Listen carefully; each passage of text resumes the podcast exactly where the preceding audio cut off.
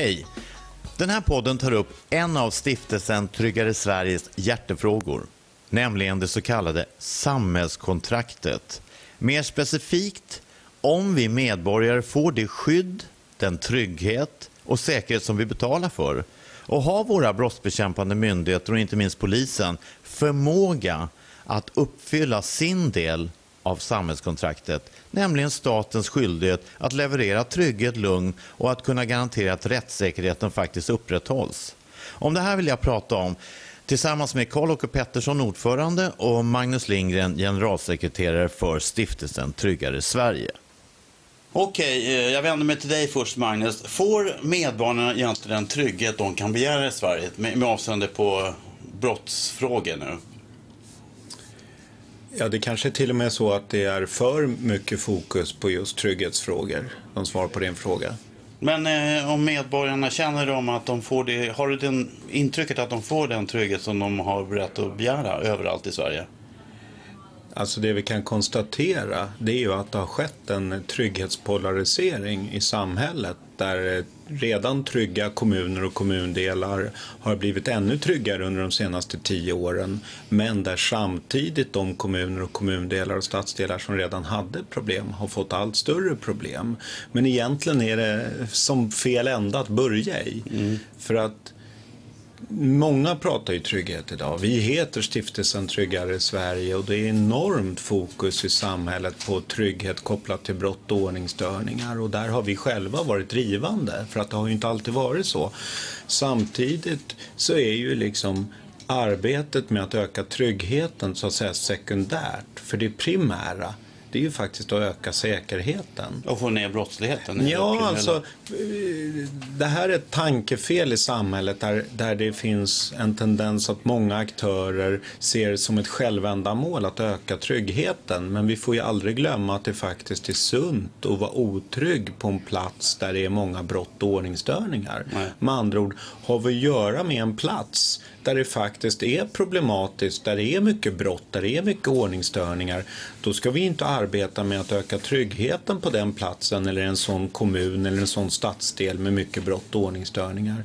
Utan då ska ju allt fokus primärt vara på att minska brottsligheten och skapa en ökad säkerhet. Så ska man hårdra det, enda gången vi ska jobba med att öka tryggheten, det är ju när det faktiskt är säkert. Alltså, som, vissa områden är, är, mindre trygga, men generellt sett så gäller det, det finns en trygghet på andra delar av Sverige. Är det det du säger? Man kan inte prata så, man måste specificera sig lite. Ja, men alltså, det beror på vilket perspektiv man har. Att, att tittar vi, eh, liksom, mitt, mitt, min, min primära ingång det är att det är för mycket fokus eh, på trygghet. Det primära ska vara att vi börjar prata om säkerheten. Hur ser det ut i Sverige kopplat till brott och ordningsstörningar? Och då kan vi konstatera att vissa brott ökar, andra brott minskar och vissa ytterligare andra brott är konstanta. Om vi går över och pratar nästa del, hur är det då med tryggheten? Världen? Ja, där konstaterar jag då att ur ett nationellt eh, helikopterperspektiv på Sverige så kan vi bland annat genom våra egna undersökningar som vi gör och har gjort i 232 av våra 290 kommuner, bland annat genom NTU som Brå gör, nationell trygghetsundersökning, så kan vi konstatera att Sverige ur ett helikopterperspektiv under de senaste dryga tio åren har blivit tryggare och tryggare. Förutom då när resultaten kom för 2016 som för första gången visar då på ett trendbrott. Vad, vad bestod det trendbrottet? Ja, det är ju att allt fler av dem då man har gått ut till, cirka 10 000 personer i hela Sverige i NTUs fall, eh, för första gången då sedan man började genomföra den här nationell trygghetsundersökningen sa att, att man var mer otrygg. Men eh, samtidigt så ser vi då när man, för, för det säger ju egentligen ingenting när man tittar på nationell nivå. Utan det intressanta och det som kommunerna framförallt har ett behov av, det är ju ett lokalt eh, planerings och uppföljningsunderlag. Och det får man alltså inte idag. För om vi tittar då på, som svar Men på vänta, din vi, fråga Om vi när kommer det till gäller här trygghet. kommunerna Ja, sen, det blir ja. mer specifikt. Men jag menar det här generella, alltså att eh, om, man, om man går på medias bild så, och tittar på dem, det är ju mer naturligt att man pratar om de utsatta områdena än de trygga områdena. Men om man hittar på, tittar på de utsatta områdena som räknas som områden man, som man förstår att polisen inte kan åka in i och allt det där.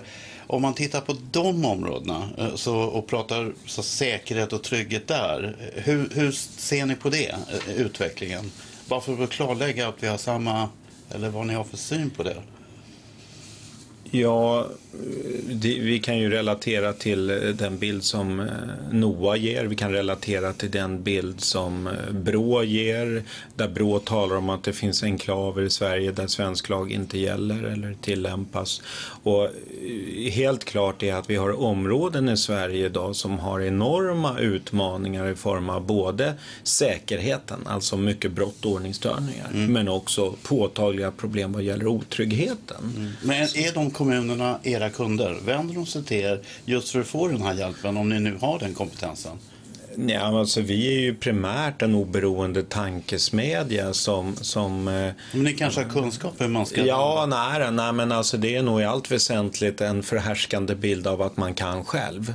Eh, det har ju i vart fall varit under de gångna tio åren en väldigt påtaglig situation att, att, att liksom den mentaliteten har varit förhärskande kan själv. Men, men jag uppfattar, min, min bild är att många kommuner inte tycker att de får den hjälp av polisen utan man diskuterar mera privata vaktbolag.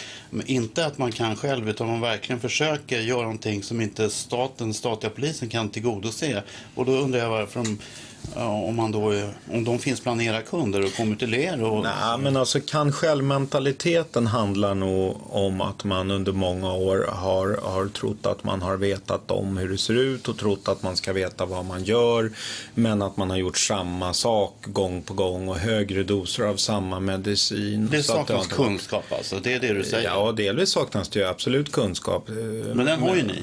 Jo, och sen har du nästa sak då att, att, att just nu har vi en situation under de senaste åren och under de kommande eh, åren där svensk polis till följd bland annat av en stor omorganisation, bland annat till följd av bristande ledarskap, bland annat till följd av eh, en osund kultur har stora utmaningar där kommunerna så att säga har tvingats att eh, själva utveckla de här frågorna. Alltså. Eh, Så, att, så att det är ju två delar. Dels finns det både inom polisen eh, och kommunerna eh, en kan självmentalitet liksom, eh, som börjar förändras. Men du har helt rätt, när det gäller kommunerna och stadsdelsförvaltningarna så finns det allt fler som ändå inser att det är ingen idé att vi sitter och väntar på polisen. För polisen levererar inte nu, polisen kommer inte att leverera under de andra åren. Utan ska vi fixa det får vi göra det själva på nya sätt. Men då när vi pratar om, då är lite vi inne, Karl-Åke vänder jag mig till, samhällskontraktet.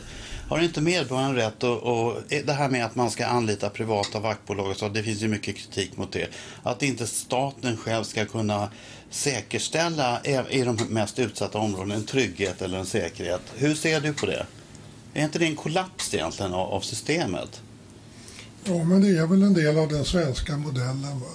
Det är ju staten som sedan 1965 har ett monopol på att sköta säkerheten i genom sin då statliga polisverksamhet.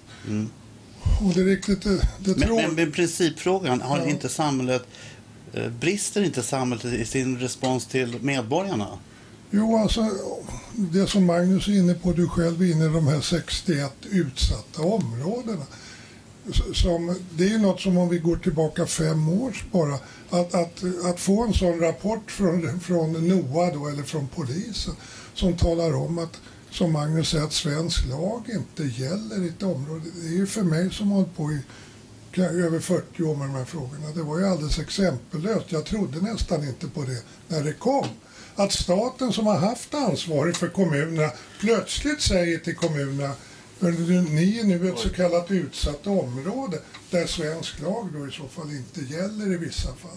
Jag trodde nästan inte att jag skulle behöva uppleva Så, det. så för, de, för, för om man du är medborgare i ett sånt här område, Eh, Vad är din eh, reaktion då? Ja, det är när- klart att, att jag känner mig då sviken av det. Man kanske inte säger staten utan man kanske säger samhället och man kanske till och med skyller på sin kommun. Men egentligen är det ju staten via sin polis då som har svikit den här kommunen eller det här, den här stadsdelen. Vad det, är klart att allmänheten har rätt då att, att känna sig frustrerad och också då det Magnus är inne på kanske till och med känner sig då otrygga. Och så kommer det trygghetsmätningar och det kom en, jag såg i tidningarna i morse, det kom väl en, det var väl en lokal trygghetsmätning, jag tittar på Magnus i Stockholm här. Och den visar väl på rött tyvärr också att det gick åt fel håll nästan, om jag tror alla siffror han ska eh, skumma igenom. Och det är klart att, att det, kän, det måste ju kännas väldigt hopplöst för många människor som bor där ute. För de allra flesta som bor i de här utsatta, det är ju också hyggliga människor som jobbar och sliter och tänker på sina barn. Och så får man läsa i tidningen att det, det här är ett område som mer eller mindre har tagits över och domineras av kriminella. Och på tv igår kväll kunde vi aktuellt se att ett, en gammal arbetarstadsdel som man sa i Stockholm, Östberga, säger man bara på Aktuellt på nio-nyheterna har tagits över av kriminella. Och så får vi ett långt inslag om det som ska fortsätta nu ikväll. Så det är i allra högsta grad aktuella frågor som du tar upp, Ja, Tom. Okej. Och det är klart att vad ska folk säga där? Om de stod i tv och sa det är klart vi känner oss svikna. Mm. Och ytterst känner ju de då att det här så kallade samhällskontraktet Mm. bryts upp mer och mer. När staten då visar sig inte ha förmåga Nej. att säkerställa säkerheten i de här områdena. Och orsakerna till det här, det är också ett kapitel som man kan diskutera länge och utsatthet och allting. Men jag tänker åtgärderna.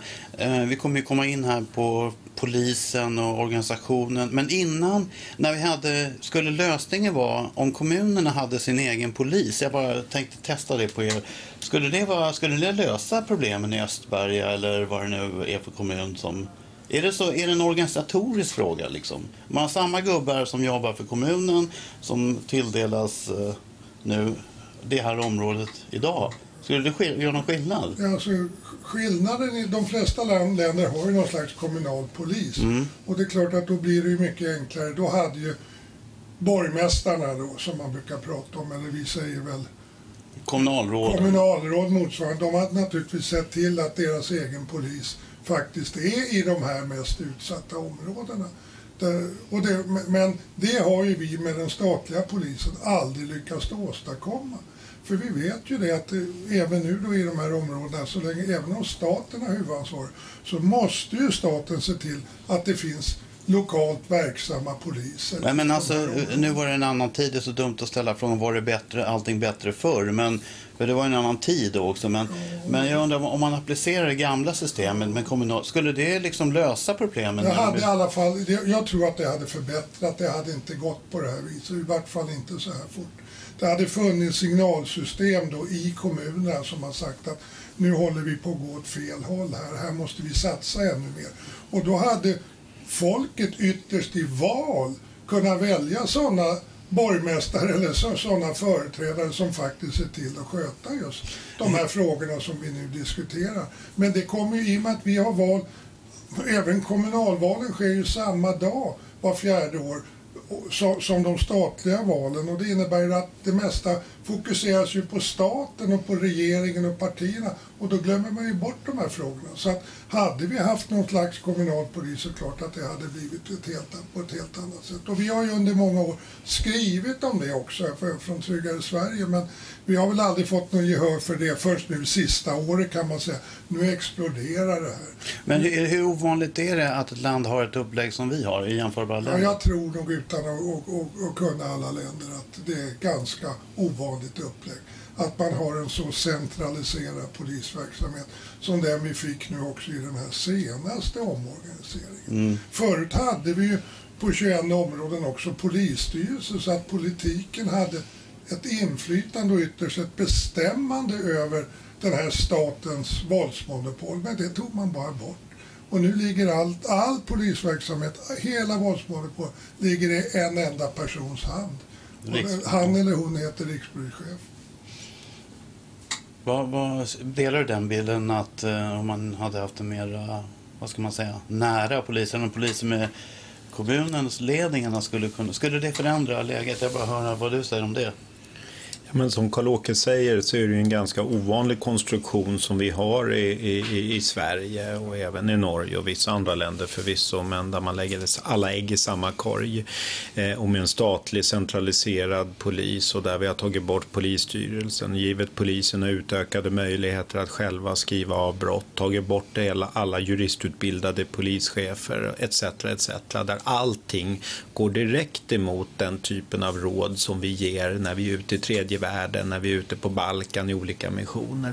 Det som är direkt farligt att göra en demokrati. Så att vi har gjort tvärs emot det vi själva lär ut när vi är ute på utlandsmissioner. Och frågan är då om vi hade haft en mer lokalt förankrad, kanske till och med en kommunal polis hade vi hamnat där vi hamnar i Sverige idag? Ja, jag håller nog med Karl-Åke där i den delen, föga förvånande eftersom vi har jobbat ihop i många, många år. Att, att då hade det ju funnits en motvikt till den här utvecklingen och då kanske man inte hade det låtit gå så långt så snabbt som det faktiskt har skett nu ute i många kommuner, ute i många stadsdelar eh, där 98 procent av befolkningen inte vill något annat än vad vi vill. Ha lugn och ro, fri på gator och torg, bra skolor dit ungarna kan gå utan att behöva vara rädda och oroliga. Eh, alltså helt motsatt situation till det som faktiskt råder på många platser i Sverige. Och de kan ju med råge då säga att de är svikna av samhället, eller hur? När det gäller ja, nej, men visst, jag tror att det, ditt resonemang där det styrks av vad vi försöker säga. Och det är väl bara att konstatera att om vi bara tittar på polisen så här, det här är ju ett av de stora frågeställningarna. 1964, jag kommer ju ofta tillbaka dit, 1960, den, den polisverksamhet vi fick i mitten på 60-talet, den var ju en 50-talsprodukt. Och tänk dig eh, vad heter det, samhällsutveckling från 50-talet fram till nu. Det är ju, ja, hur många gånger har samhällsutvecklingen ändrats ett par, tre gånger under den här tiden? Och plötsligt så fick vi då efter 60-70 år då en, en helt centraliserad polis efter att ha haft en, en statlig polis som jag menar på det blev fel redan 1965. Va? Utan man skulle ha haft vissa delar då också som en lokalt anpassad eller kanske en kommunal polis. Och nu, nu, gjorde man precis tvärtom och nu har man tappat allt. Och det är vi inte fattat som vi har diskuterat många gånger sedan 2010 när de här direktiven togs Eh, till den här polisutredningen som nu formar här, det var att politikerna drog sig undan från de här polisstyrelserna. Och då säger ofta politiker och även poliser att ja, men de hade ingen makt. De hade ju all makt enligt mitt sätt att se mm, Men det var det de sa, det kommer jag också ihåg. Ja, ja, utan man, man, tog inte sitt ansvar. Det var väl egentligen det, så vi säger. Jag har ju jobbat med dem så jag vet ju precis hur det fungerade. De hade allt ansvar för de satte egentligen budgeten för de här 21 polismyndigheterna.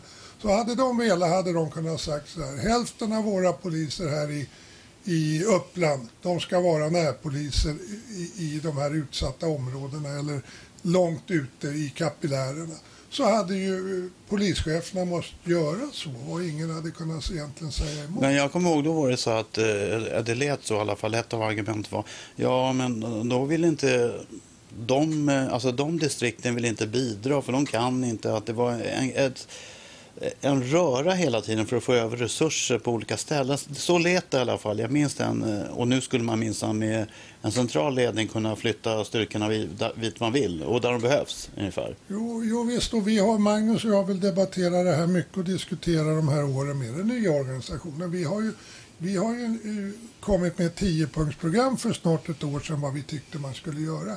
Men vi var ju inte då beredda att riva upp den, den här organisationen utan vi sa ju låt oss istället göra ett försök att vässa den, den här organisationen som, som vi har idag. Vi var inte beredda då att riva upp den.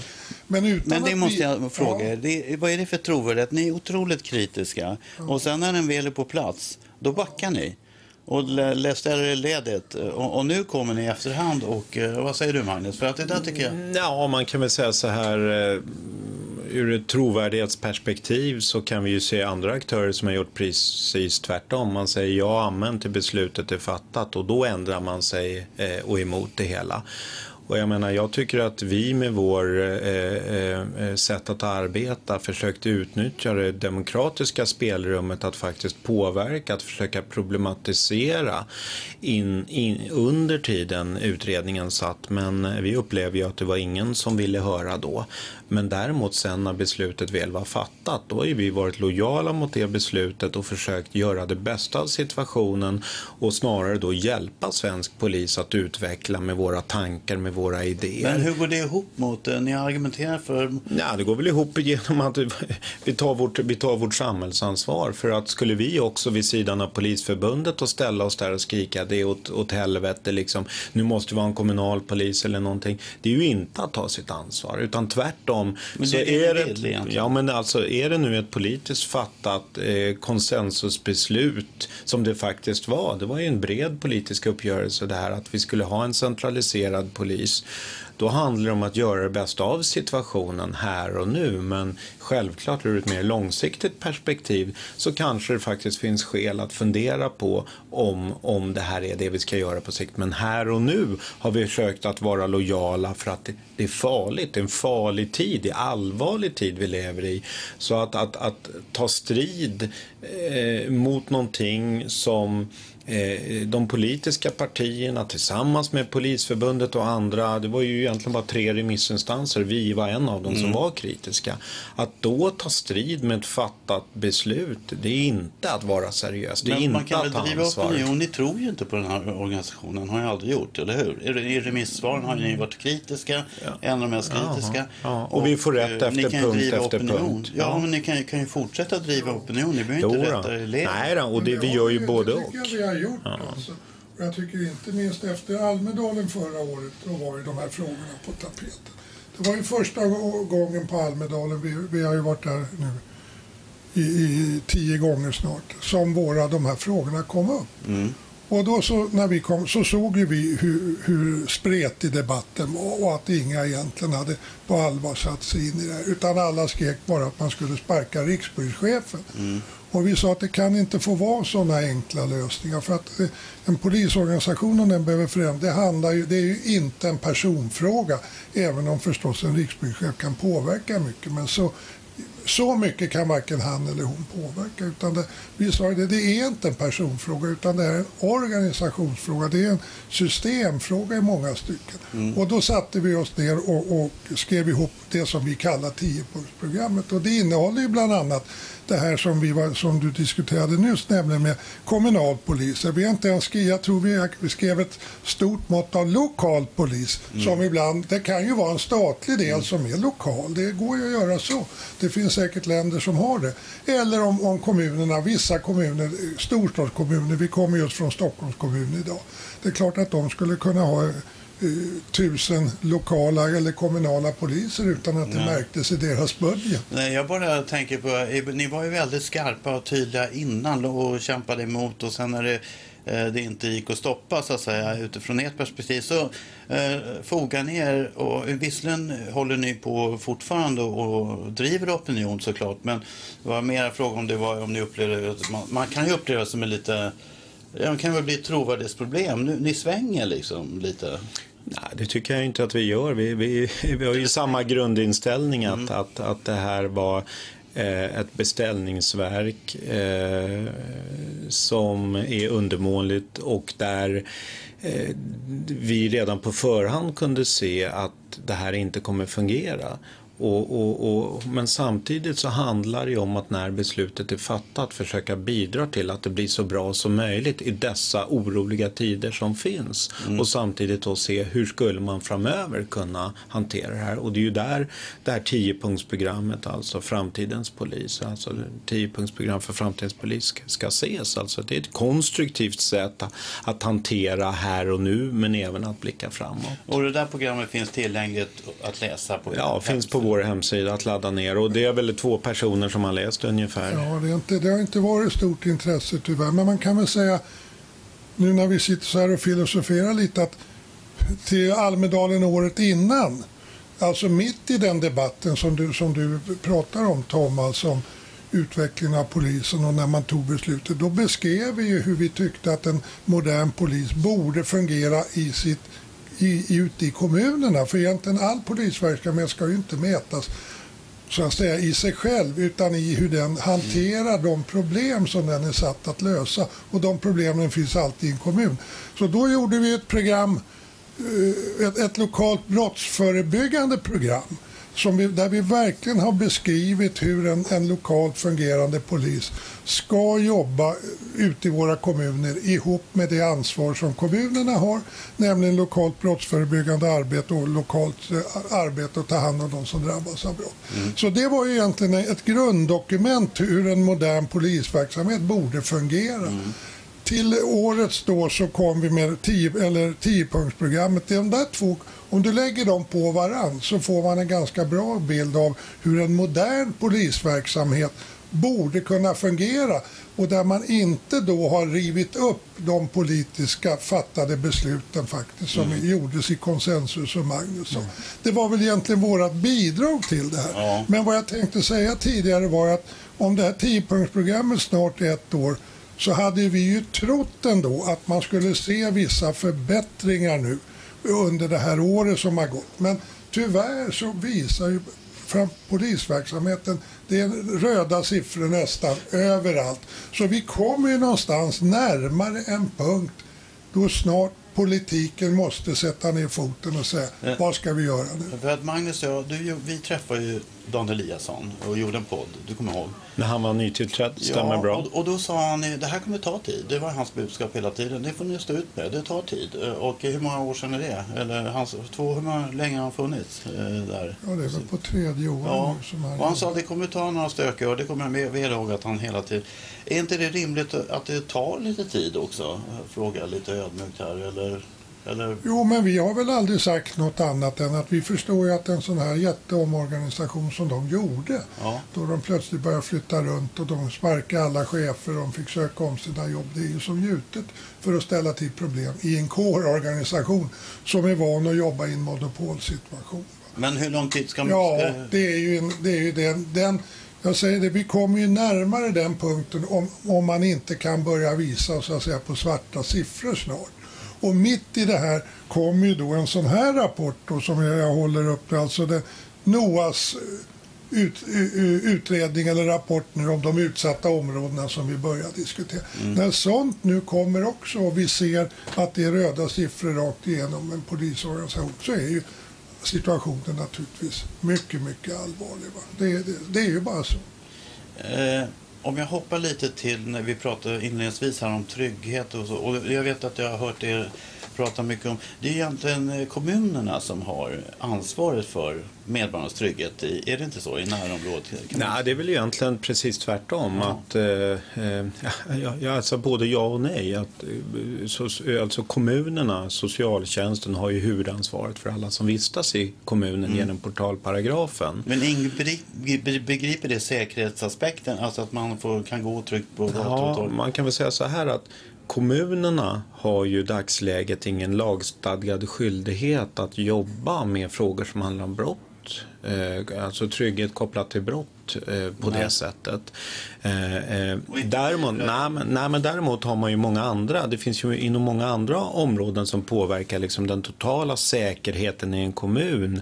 Där har man ju lagstadgade skyldigheter och riktlinjer. Det gäller ja, brandsäkerhet och IT-säkerhet, informationssäkerhet och mängder av olika aspekter. Men när det kommer just till frågor som handlar om brott, då finns det ju inte motsvarande lagstadgade krav på kommunerna och det gör ju också att kommunerna då eh, inte har, alltså det, är, det är en nice to do-fråga. Eh, mm. Det ses som det, det är inte need to do. Men självklart i dessa tider, inte minst när polisen befinner sig i den situation man gör, så måste ju kommunerna kliva fram och ta större ansvar. Men det måste ju vara en kommun som inte, som eh, inte kan inte kan visa upp en slags trygg statistik eller bra statistik måste ju vara, hamna sämre eh, för, även för, för alla, både invånare och företagare. Jo, men, men i det liksom den retoriken, ja men i retoriken som media reproducerar eh, eh, så, så blir det ju till en fråga om polisen. Alltså på något mm. konstigt sätt. Jag brukar säga så här, fram till 2005 så var det ju bara diskussion om vad polisen skulle göra och inte skulle göra för att förebygga brott och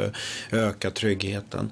Och, och, och, på något plan så har det blivit lite bättre. Från, från 2005 fram till nu idag så pratar man om polis och kommun. Men när vi granskar de här samverkansöverenskommelserna mellan polis och kommun så kan ju de Alltså jag brukar säga att som bäst fungerar som hjärtstartare alltså för att de är så bärligt dåliga så att, så att de har större användningsområde många gånger för att hjärtstarta sådana professionella aktörer som oss. Avtalen alltså? Ja, avtalen för att det, det, är liksom, det, det bygger inte på lokala kartläggningar utan det är nationella krav och de är, är så ostrukturerade och eh, koko helt enkelt. Så kontentan av det hela det är det att eh, kommunerna börjar ju se att de måste kliva fram och ta ett större ansvar själva för att det är ingen idé att vänta på den statliga men, men polisen. På, på alla många debattkvällar jag har hört som ni har här i stan så säger kommunrepresentanter vi har ingen kunskap, vi har inga resurser, vi vet inte hur man gör det här som ni pratar om hela tiden. Det har varit ett tema som återkommit, vad jag minns i alla fall.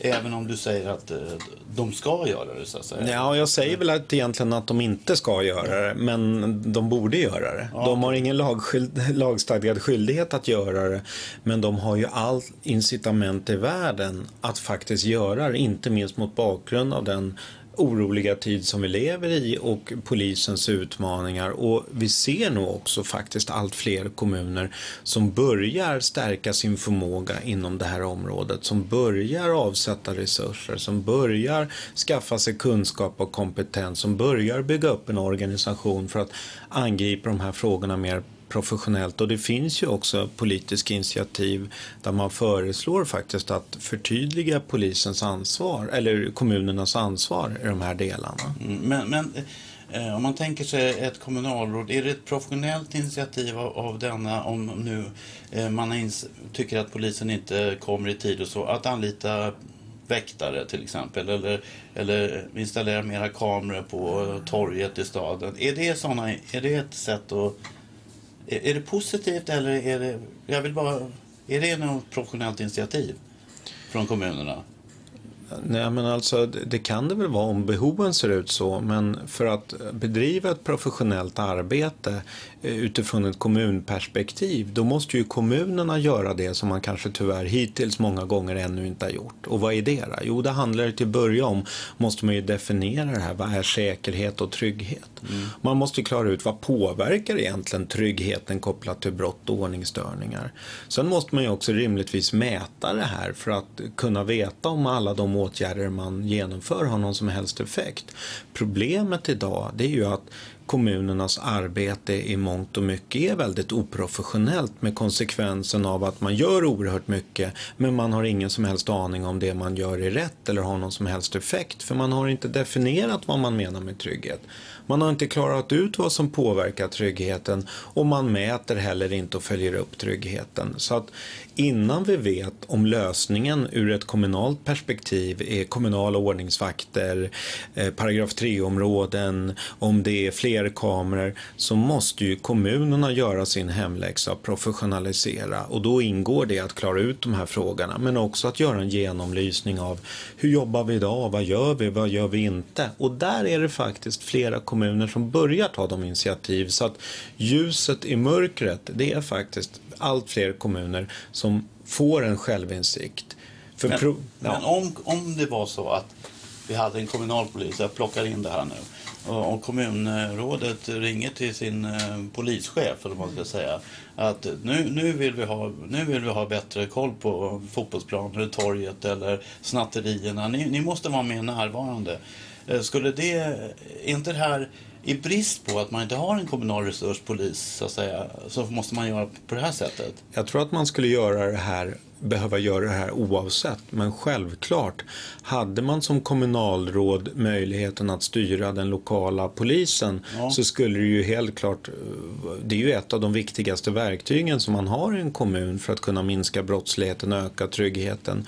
Och många av de åtgärder man gör nu, det är ju, det är ju om inte konstgjord andning så är det i vart fall ett alternativ eh, till det faktum då, mot bakgrund av att man saknar en kommunal polis. Så, den så, så, en kommunal polis är egentligen betydligt viktigare för det än den här organisationen som bara tar, tar ett steg vidare utifrån det statliga liksom, vi, vi sa ju tiopunktsprogrammet där vi, liksom, vi behåller ju ramarna för, för den nya statliga polisen så, så, som är gjord nu. Vi ville ju inte då när vi skrev det ändra allt det här. Men då sa vi att man måste ju börja med att skicka ut tror jag. Vi skrev väl 3000 av, av de här poliserna som finns rakt ut i de här utsatta områdena till de här utsatta kommunerna. Ja, hur vet ni att det behövs 3000? Ja, vi har ju en, en modell som, som vi i, har räknat fram där vi, vi, vi, som vi bygger mycket på internationella erfarenheter. En polis per 5000 invånare att ha liksom som ett mellan tummen och pekfingret. Har man det så, så vet vi att den polisen lär känna sitt område på ungefär ett år tar Sen kan den jobba där ett antal år och känna egentligen varenda invånare och vara precis den här community police officer, den som vi, all världens forskare vill ha. Så, det, så räknade vi på det, men, men vi har aldrig sett något, någonting av det. Och en sån modell, den nuvarande polisorganisationen, den skulle mycket väl klara det. Den gamla organisationen var ju nackdelen när RPS styrde det, eller styrde egentligen bara administrationen. Att Rikspolisstyrelsen hade ingen möjlighet att omfördela poliser över riket, det gjorde bara regeringen. Mm. Men nu har ju den nuvarande rikspolischefen möjlighet att genom att knäppa med fingrarna. Så det skulle gå bättre? Ja, idag jag går, det, det är ju fördelen med den här nya, att du kan flytta poliserna till de ställen som han då och hans ledningsgrupp bedömer att de måste sätta in nya Men gör man inte det? Nej, det, jag vet inte. Jag har sett mycket lite av det. Utan tvärtom har, har vi nu för sista tiden fått rapporter om att de beskrivningar som man behöver ha av poli antal poliser i de utsatta områdena, de fylls inte upp. För det jag tror, om jag förstod här i Stockholm så var det frivilligt att, att jobba i de här utsatta områdena. Då hade man inte fått så många som sökte till Södertälje och så vidare. Då så man kan inte kommendera poliser ut i vissa områden? Ja, jag vet inte hur det är idag, men, men enligt, enligt regelverket så, så kan väl en rikspolischef kommendera, på, det är ju en enda myndighet idag så det går väl, det var väl det som var fördelen med en centraliserad polis, att du kan flytta poliserna på de ställen de bäst behövs. Men ja, vi har väl inte sett så mycket av det, om vi ska vara ärliga. Men hur fungerar ert opinionsbildande i den här frågan? Är det, känner ni att eh, allt fler börjar tycka att ni har rätt eller är ni mer isolerade? Har ni någon känsla för hur ni har fått gehör för det här? Som ja. Ja, det ska ju egentligen Magnus som jobbar dagligdags med det som ska svara. Men från min horisont som ordförande så hör ju vi inte mycket. Samtidigt ser vi ju resultat. Det går ju nu med blixtens hastighet. Nu kommer ju alla, inte, men var och varannan ledare handlar ju om våra frågor idag. Det gjorde det inte för fem år sedan. Nej. Idag är alla på de här frågorna. Men det är väldigt få, ungefär som Magnus var inne på, som egentligen har satt sig in i vad det här handlar om. Och till ditt förra resonemang med Magnus hör ju också att kommunerna har ju ett, ett odelat ansvar för de som drabbas av brott. Mm. Alltså så konstigt funkar det att de som drabbas av brott och kommunerna helt och fullt ansvar för. Men de har inte något ansvar för att förebygga brott. Och det här har ju blivit tokigt. Och det beror ju på att ytterst har alltså rikspolitikerna inte vågat lägga på, på, på kommunerna flyttar ansvaret för att de säger att ja, det bryter mot den kommunala självständigheten. Och då har ju vi i vårt program, det här, som jag beskrev tidigare, sagt att här kan man ju skicka med lite statsbidrag. Och vi räknar ju på att vi skulle få en, en, en trygghetsorganisation ute i kommunerna med, med, poliser, lokala poliser, statliga, med brottsförebyggare lokala och med bro, bro, lokala brotts offerstödjare kan vi säga på 6 000 personer. Och det skulle till en kostnad på 2-4 miljarder. Och nu ser vi varje dag nu, idag lämna, har ju budgeten lämnats men vi har ju nästan varje dag fått höra något utspel på något, någon miljard hit och dit. Va? och ibland 4 miljarder. Så att vi har ju till och med försökt vara så jävla hyggliga i vår argumentation så vi satte en prislapp på vår organisation och sa den kostar 2, 3, 4 miljarder men då får vi en, en, en, en i lokalsamhället, i kommunerna fungerande trygghetsorganisation, säkerhetsorganisation. Men, men det här med siffrorna fram och tillbaka, ni är också bud och ni är också bud. Och, och det är ofta man hör att, eh, som du brukar säga Magnus, innan man börjar vifta med 6 000 poliser eller 4 000 eller 10 000 så måste man reda ut hur många som behövs och vad de ska göra i korthet, eller hur? Mm. Men eh, hur kan ni, har, har ni så mycket underlag för era siffror? Ja, svar ja. Det har vi räknat på i många år. Okej, okay, så ja. hur många poliser behövs det då? Och, och, och, nej, men av de där, de där poliserna som vi i vårt dokument säger omedelbart måste flyttas ut till de utsatta områdena, för där är det ju om, om vi läser vad Noah själv skriver så är det ju nu. Mm, men de, de kanske behövs. finns idag redan? De finns idag redan, så men du... måste då flyttas genom ett beslut ytterst av en rikspolischef. Och det gör man inte med? Nej, vi ser inga sådana beslut. Men eh, det är så konstigt för om man är utomstående undrar, har inte polisen koll på vad resurser behövs? De vet väl? Nej, det, det tror inte jag. Vi har ju gjort ett jobb i vintras där vi har hållit på med, med uh, våldtäkter. Och vi har ju försökt räkna på vilken förmåga som svensk polis behöver ha för att utreda de, ja låt säga 7000 våldtäkter som anmäls varje år. Mm. Men eh, jag fick aldrig något besked av det. Utan man kör bara med ett mått som heter genomströmningstider från anmälan kommer in till man avslutar ärendet. Men, men genomströmningstiderna det talar ju ingenting om hur mycket man jobbar med ett sånt våldtäktsärende. Mm. Alltså hur mycket resurser som åtgår va, för att lösa de här brotten. Så jag tror inte att det finns några sådana beräkningar. Nej, sen har man ju läst om poliser som uttalar sig i media. Vi hinner inte med ungefär. Mm. Och, och, på något sätt, innan jag släpper in det, bara, det är liksom attacker från alla håll mm. från polisen. I alla fall om man går från mediabilden här. Och man undrar liksom, de verkar ju helt vilse om man lyssnar på, om man skulle tolka alla de här signalerna. Och, och nu är det granater till och med på gator och det är värsta skjutvapen. Um, ja. Nej, men jag tror att du har rätt. Eh, det är väl en eh, ganska bra beskrivning. Man är helt vilse. Är det så illa? Alltså? Och man är vilsen. Och eh, det, det, det, det, som är kanske Eh, svårt som eh, utomstående, svårt som journalist, det är ju när man möter ett argument som vi hör och möter varje gång att nej, vi måste prioritera, det måste ni ju förstå. När man hör polisen säga det. Men vi som kan polisverksamheten och vi som eh, hör det här oavsett om det handlar om bostadsinbrott om det handlar om sexualbrott, om det handlar om våldtäkter specifikt, om det handlar om eh, butiksrån. När man hela tiden möter argumentet vi måste prioritera, det måste ni ju förstå så kommer man ju till slutändan till frågeställningen, nå, men vad är det då ni prioriterar? Eh, och, och, och, det svaret har vi väl egentligen inte utan hela tiden i den här retoriken så möter man just den, den, den förklaringsmodellen att vi måste prioritera. Det är ju det nya. Och vad skulle man prioritera enligt ert sätt att se på det? Ja, man ska ju göra allt. Och man måste Men förvara... prioritera handlar ju om att de har inte resurser för allting. Ja, vem säger det? Ja. Nej, jag bara men, tänker att det jag menar, om polisen själva inte kan redovisa hur man använder sina befintliga resurser, så vem är det då som hävdar att man inte har resurser att göra det man ska? Utan grundproblemet här, då är vi tillbaks till det. Kan man inte redovisa hur lång tid det tar att utreda ett bostadsinbrott, så vet vi ju inte hur många eh, utredare det behövs för att faktiskt hantera just alla de bostadsinbrott, drygt 20 000, som kommer till polisens kännedom. Men du menar att man kan räkna ut hur mycket resurser man ja, har? Ja, men kan vi räkna hur lång lång tid det tar att bygga en jävla Volvo så är det klart vi kan räkna ut hur lång tid det tar att utreda ett bostadsinbrott, en våldtäkt.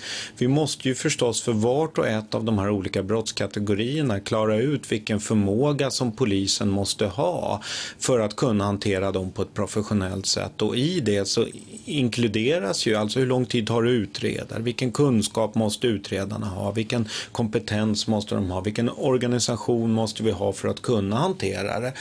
Men så länge man inte har klarat ut det, ja då kommer man ju undan med retoriken om att vi inte har resurser och vi måste prioritera. Kanske är det så, men kanske är det mm, inte på det sättet. Men eh, det låter ju ganska hårresande. Ja, man måste det är exakt vad ja, det är. Det är ja. Och därför, mot bakgrund av det, är ju denna bonnaktion med antalet nya poliser än mer upprörande. Och där kan man väl säga till eh, Anders Ygemans försvar att han som inrikesminister och ansvarig för de här frågorna länge stod upp och inte ville medverka i denna bonnaktion som just när det gällde polisens verksamhet endast kom att handla om antalet nya poliser.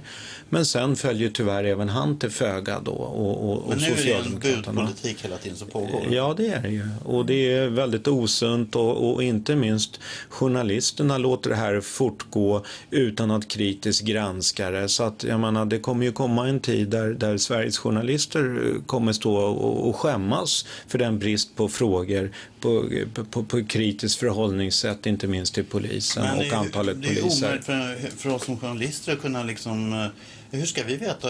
Man ställer ju frågan hur många poliser behövs det? Ja, då säger ett parti det och ett parti annat. Ja. Och då utgår man ju lite från... Jo, men ställer man då inte den självklara frågan, ja, hur vet ni det? Ja, och eftersom man inte ställer den självklara frågan så, så, så, så vet vi ju inte svaret. Nej, vi har gjort en utredning och har kommit fram till det här. Ja, men det gör man ju inte. Man har ju inte gjort en utredning. Man, man skjuter ju från höften. Och man, man kom... kan väl lägga till Magnus att vi har ju varit på den här frågan i ganska många år. Och vi har ju ett begrepp då som vi har tagit fram som heter förmåga. För normalt pratar man ju alltid om vilken förmåga. När det gäller Försvarsmakten pratar de självmant om vilken förmåga man har att försvara landet. Och samma sak gäller ju med, med, med den inre säkerheten då som polisen hanterar. Vilken förmåga har polisen? Kan polisen försvara hela landet? Annat? Och det var ju precis de frågorna som vi trodde att den här polisutredningen skulle börja med att titta. Alltså vilken hotbild, om, om du tar det inom citationstecken, har vi? Va? I, som vi kan se i 10, 20, 30 års perspektiv. Och mot det måste man ju då titta, vad behöver vi ha för, för att kunna bekämpa den här, den här hotbilden? Bland annat i form av något som heter polisverksamhet. Mm. Sen måste vi ha massa annat också. Men det var väl det som vi trodde och som vi skrev om att det skulle polisutredningen göra. Men det gjorde man ju inte utan man hoppade över det här självklara. Utan man började istället att organisera om de här, de här som fanns va, och mm. rita rutor. Och det var väl egentligen där det blev tokigt. Och vi har ju från Tryggare Sverige försökt försvara polis, polisen och poliskåren mot de här angreppen. Genom att bland annat i, under de senare åren prata om förmåga. Och vi hade ju eh, no några år när vi höll på mycket och jobba med hot och riskbedömningar och sa att ett viktigt del för att kunna rädda folk från att, att bli, bli, bli eh, ja, som är utsatta för hot och annat så måste man göra professionella hot och riskbedömningar och vi har tagit, jobbat jättemycket med det. Och, då, och sen så såg vi det att det blev ändå inte gjort.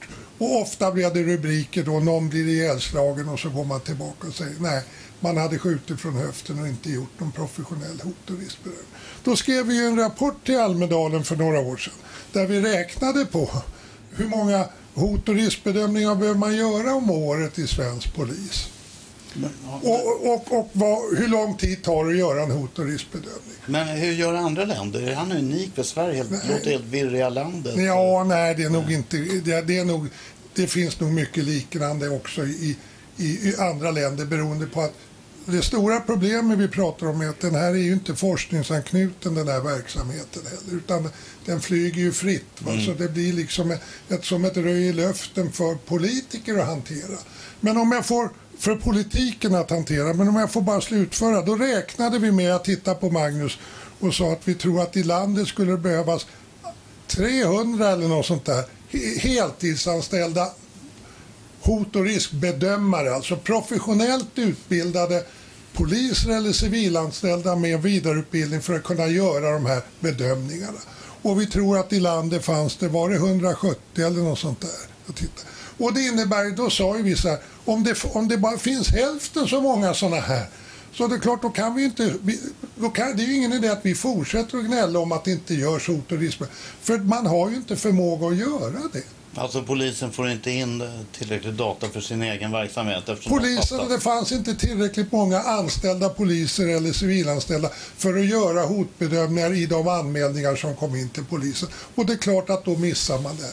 Och ju, vi gör ju ofta den, den, den jämförelsen att om det ute på Arlanda inte finns tillräckligt, om det finns bara flygmäckar för halva flygplansflottan, då kan ju bara halva flygplansflottan lyfta eftersom security är, är, är, hålls så högt där att har inte en, en, en meck tittat på flygplanet så får det inte lyfta. Mm. Men, men våra förundersökningar de fick rulla vidare trots att den där mecken då inte hade gjort den där riktiga hot och riskbedömningen. Mm. Och då tänkte vi på, det hade vi ett seminarium eller flera på Almedalen bland annat om, att det här borde väl någon bli intresserad av då och säga att men det var jättekonstigt att man inte har tillräckligt många hot. Men det, vi fick aldrig någon reaktion nästan på det heller. Va? Så det är ingen som egentligen, ungefär som Magnus säger, som tar det här på allvar. Utan man säger det där är för svårt, sa man till oss. Utan vi kör på antal bara, vi skjuter från höften. Nej, men vi jobbar ju med svårlösta samhällsproblem, mm. så är det. Och jag skulle säga att det är oerhört många som är intresserade av de här frågorna. Verkligen. Inte tu tal om annat. Men tyvärr är det inte lika många som är intresserade av svaren.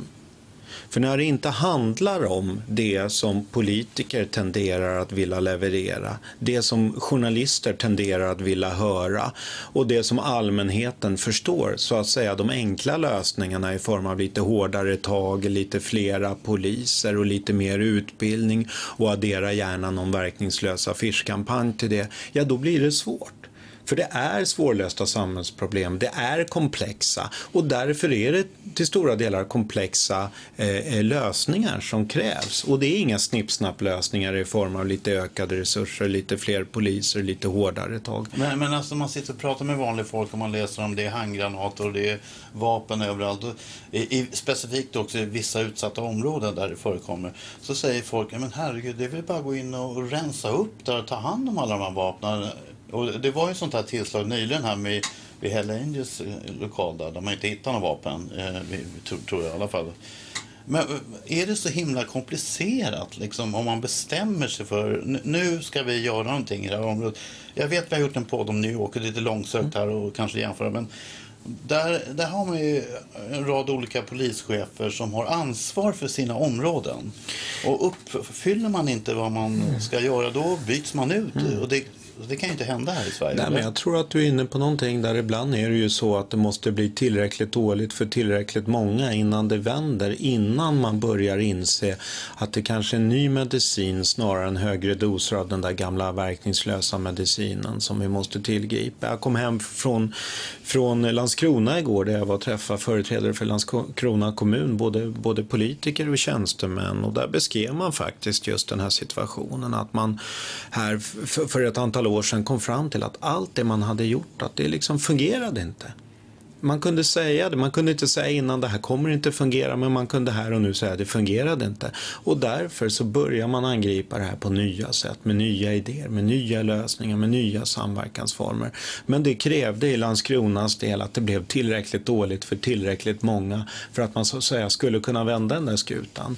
men börja... så är det i många områden. Det finns ju till och med eh, invandrare som bestämmer sig för att flytta ifrån från till och med Sverige bara för att de tycker det är så otryggt. Ja, men det är ju en ny tid nu och, och eh, vi, vi är ett år kvar till valet ganska precis och vi ser en allt mer ideologiserad, allt mer polariserad, en allt mer politiserad eh, eh, eh Sverige och, och, och där vi ser en konsekvens av det i form av att myterna, vanföreställningarna, alternativa sanningarna frodas som bakterier i värme. Så att det är ju där vi försöker gå in som oberoende tankesmedja att beskriva. Och där har vi ju ett dilemma även där. Att jag menar, Brå är bra i många stycken men också om igen, jag skäller på journalisterna många gånger, jag berömmer dem också. Men i det här fallet så är det så möter vi ofta att, att, att, att, svenska journalister oreserverat tar upp telefonen och ringer till statliga Brå, till regeringens stabsorgan Brå för att få en kommentar och tror att man får en oberoende kommentar. Alltså, får man inte det? Eh, alltså, det är regeringens stabsorgan man pratar med. Och om man som journalist inte kan värdera det så är det klart att vi har ett dilemma. Och de första som ringer till oss det är många gånger utländsk media som vet att man också måste eh, vända sig till oberoende NGOs-aktörer för att få en alternativ bild i vart fall till den som regeringen och regeringens stabsorgan vill ge. Nu är det närmare sig valet här och tror ni att det här kommer bli en valfråga, att den här åker upp, alltså trygghetsaspekter, säkerhetsaspekter och, eller förutom att bara prata om antal, eller kommer det bara mynna ut i ett antal poliser, olika har olika bud på poliser, eller kommer frågan bli lite mer, ja vad ska ni göra för att lyfta frågan i så fall kan man säga, och det är av era så det är två frågor där. På, svar, på första frågan svarar jag, det vet fan. Om det blir alltså, vi har ju trott och hoppats det under många år och tyckt att frågan, för vi har ju sett det som nu är en verklighet för alldeles för många människor på alldeles för många platser. Så att jag vill ju säga ja, men, men, men samtidigt vågar jag ju inte hoppas på att den här frågan faktiskt kommer upp på den politiska agendan. Och på, på, på, på svar, andra frågan så svarar jag, ja det ligger nog i farans riktning att det i allt väsentligt kommer handla om antalet poliser. Eh, och, och, och, vad gör vi då för att motverka det? Ja, vi, vi håller bland annat på att ta fram en valhandbok där vi beskriver de centrala viktiga frågorna som vi ser måste komma upp nu i valrörelsen. Och vi har ju redan tidigare skrivit både en plan för framtidens polis och vi har skrivit ett brottsförebyggande program. Och det kommer vi nu förstås köra fram ännu hårdare under valåret här nu 2017 Men om ni gör så mycket bra grejer, varför får ni inte mer gehör och stöd? Stöd? Ja, men vi, nog, vi måste vara självkritiska och konstatera att vi jobbar så hårt och mycket vi kan men vi är uppenbarligen inte tillräckligt duktiga på att få ut det här budskapet. Men vi har också så att säga den svenska modellen att kämpa emot där inte minst journalister oreserverat då ringer till statliga Brå utan att också ta upp telefonen och höra med andra aktörer. Vi har Men vi är en konstig hybrid. Bra. Gör de ett dåligt jobb eller vad, vad, menar du? Alltså att man inte ska ringa till Brå? Det är ju ändå... Ja, men det, det, är väl självklart att man ska ringa till dem, inte minst för att de är, är en stark aktör, de för statistik, de gör många rapporter. Men jag menar, jag menar en, en journalist med en uns av självkritik måste ju också inse att man måste värdera det svar man får från Brå eh, mot bakgrund av att det faktiskt är regeringens stabsorgan och kanske också vända sig till andra mer oberoende aktörer. Men hur vet du att man inte gör det då i media? Ja, det vi vet är ju att de inte ringer till oss i alla fall. Och i och med att vi är i princip den enda oberoende aktören som finns när det gäller frågor som handlar om brott och trygghet. Mm. Och, och, och därför är det ju så intressant just när utländsk media ringer till oss när det har smält någonstans, när det har hänt något stort. Men de... man ringer ofta Brå för statistiken för de har ju mycket sånt hela tiden det, och det vet jag ju. Men har ni en väsensskilt annan statistik? Har ni resurser för att göra, ta ta fram underlag som skiljer sig, ert underlag, från vad Brå kommer fram till? Nej, det handlar ju inte bara om, eh, om statistik i form av kriminalstatistik, i form av offerundersökningar, utan det är ju även analysen av den här statistiken.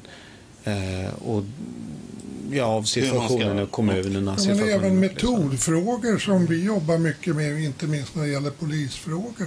Där har vi, där, där har vi ju haft anledning att haft en kritisk syn på mycket. Alltså hur man ska angripa ja, problemen? Ja, visst. Där, där, där, där, där Brå jobbar med polisen och sen säger den här sättet att jobba föreslår vi och annat. Mm. Där har ju vi ofta, kanske eftersom vi också har ett, internet, ett större internationellt perspektiv, haft anledning att ha en kritisk syn.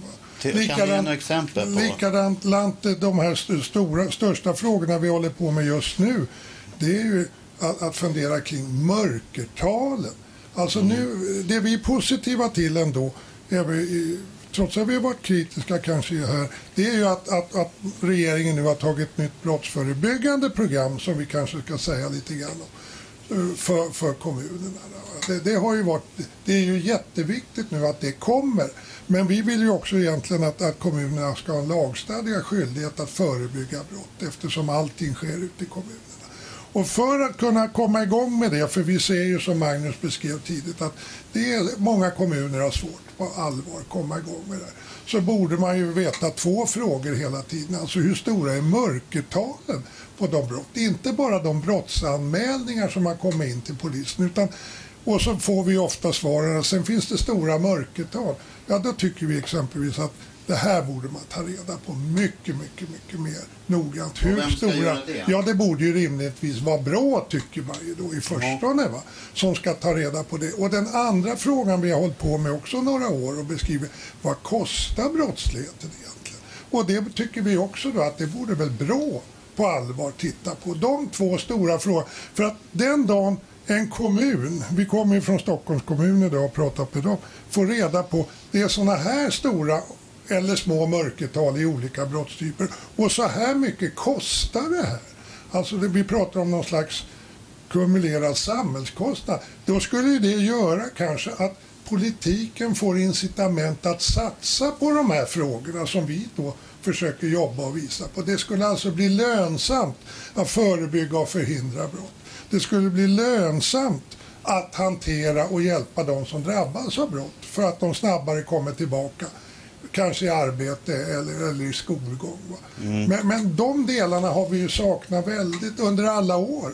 Så vet vi nästan inte vilka som Hur begår kalkylen brott. ser ut, alltså, Nej, man vet brottsbekämpning. inte det. Och vi vet ju mycket lite också om vilka det är som begår brott. Det finns åldersintervall, men vilka är det egentligen som begår brott? Så att vi på allvar med hjälp av det som vi har drivit mycket, alltså bland annat situationell brottsprevention, ska börja kunna titta på hur ska vi kunna förhindra det här. För att vi kan aldrig utreda brott bort brott, framförallt inte när vi pratar om de här grova, de här om, utsatta områdena. Det går inte, utan vi måste börja förebygga och förhindra brott. Varför kan vi inte utreda? Nej, det, vi kan inte utreda. Det är för mycket brott. Om, om brottsuppklaringen ligger på en eller två procent Ja, idag. de har problem att vittna och alla de här ja, visst. Och då, då säger nog den internationella erfarenheten att börjar brottsligheten ha sådana proportioner så att vi börjar säga att svensk lag inte gäller, då, då måste vi säkert börja förebygga, förhindra som en viktig del i att komma åt allt det här.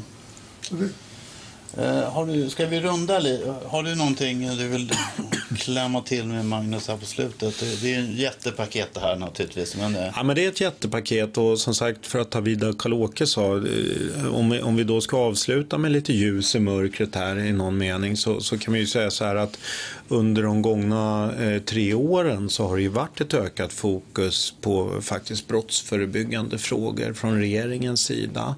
Eh, det har inte bara handlat alltså om hårdare tag, ny lagstiftning och fler poliser utan även då betydelsen av att förebygga brott på ett nytt sätt. Och vi har fått ett nytt nationellt brottsförebyggande program som heter Tillsammans gör vi skillnad där man bland annat lyfter många av de frågor vi jobbar med, nämligen betydelsen av att inkludera näringslivet i det här viktiga arbetet, betydelsen av att utgå från brottslighetens kostnader och betydelsen av att jobba inte bara med tidiga insatser, alltså social prevention, utan även då situationell brottsprevention.